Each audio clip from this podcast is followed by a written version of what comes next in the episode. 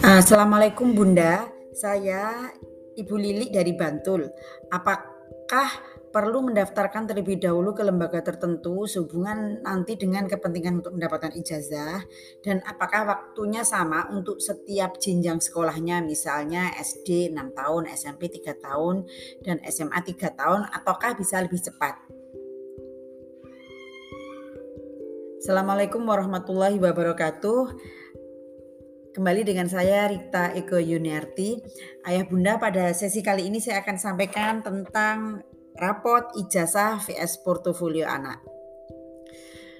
Seringkali yang menjadi pertanyaan setelah kurikulum dan goal pendidikan anak-anak homeschooling itu adalah terkait dengan ijazah.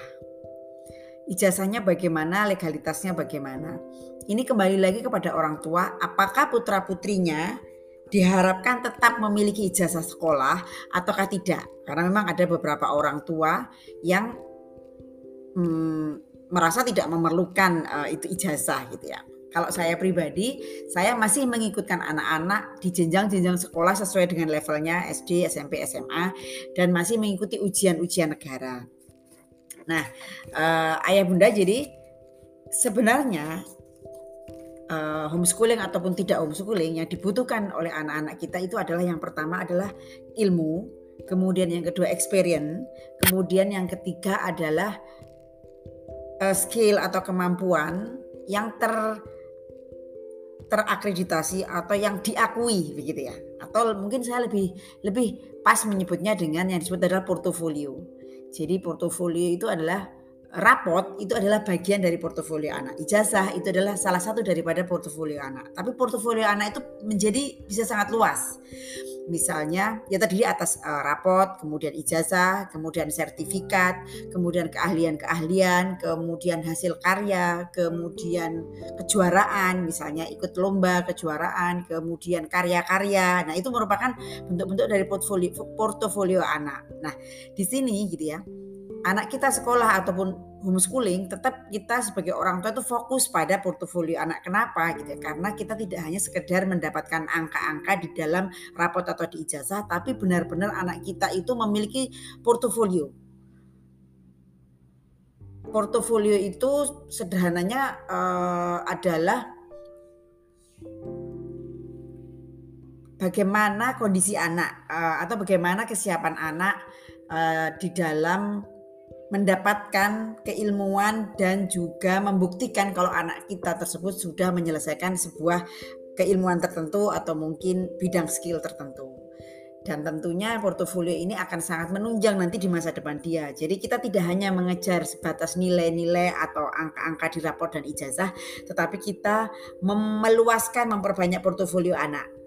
Ya, tadi saya sampaikan ya portofolio bisa berupa misalnya pengalaman organisasi, pengalaman kegiatan sosial, kemudian pengalaman lomba, kemudian hasil karya, karya tulis, hasil uh, jejak digital misalnya kalau sekarang gitu ya, karya-karya di dunia digital itu bisa menjadi portofolio anak sesuai dengan uh, bidang bidang keilmuan yang akan dia geluti.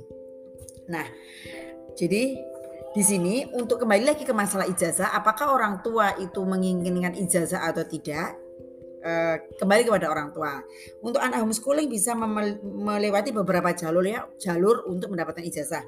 Yang pertama adalah terdaftar pada eh, PKBM, PKBM terdekat, Pusat Kegiatan Belajar Masyarakat itu biasanya ada di uh, kelurahan ada, di kecamatan ada, kantor kelurahan ada, kantor kecamatan ada, juga ada beberapa di komunitas-komunitas juga ada. Ada juga biasanya PKBM yang dikelola swasta, dikelola oleh swasta dan biasanya ada uh, namanya begitu ya PKBM yang dikelola oleh swasta itu ada namanya.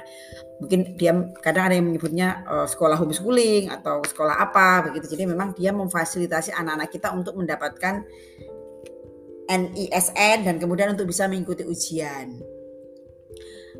Berapa lamanya gitu ya? Sepengalaman saya, anak kalau anak-anak saya pribadi memang saya daftarkan sejak kelas 1 SD kalau yang SD dan saya lebih lebih mudah bagi saya menghitungnya itu adalah sesuai sesuai jangka waktu anak. Ya SD 6 tahun SMP 3 tahun SMA 3 tahun. Dan supaya mudah juga saya dalam mengelola kurikulum anak-anak saya.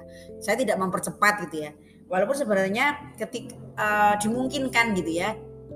Dimungkinkan yaitu uh, ketika memang tapi terakhir itu memang tiga tahun. Tapi ketika misalnya SD itu kelas 5 harusnya dia kelas 5 tapi sudah bisa mengikuti ujian. Dulu pernah ada teman saya yang demikian udah ikut ujian SD sehingga sudah mendapatkan ijazah uh, di, di usia uh, yang kelas 5 SD karena kan dia lebih cepat. Tapi kemudian tetap SMP-nya tetap tiga tahun sudah tidak bisa lagi dipendek jadi dua tahun dari misalnya tahun ini dia mendapatkan ijazah SD maka tiga tahun berikutnya baru ikut ujian untuk ijazah SMP begitu. Jadi uh, bisa PKBM, kemudian uh, ada juga beberapa sekolah yang menaungi uh, yang menaungi anak-anak homeschooling. Uh, saya sendiri tidak terlalu paham terkait dengan undang-undangnya, tapi sebenarnya mestinya setiap sekolah itu juga bisa menaungi ya.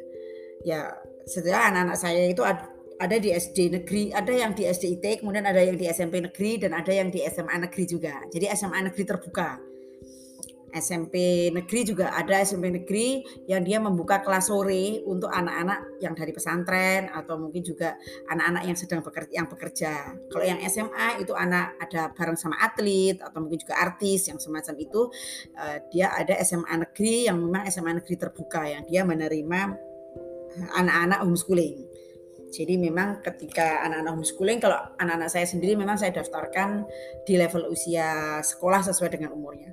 Nah kemudian alternatif lain, jika ayah bunda mempunyai sekolah gitu ya, atau kenal dengan pemilik sekolah, itu bisa juga menjadi cara gitu ya, untuk kemudian mengindukkan putra putrinya ke sekolah tersebut.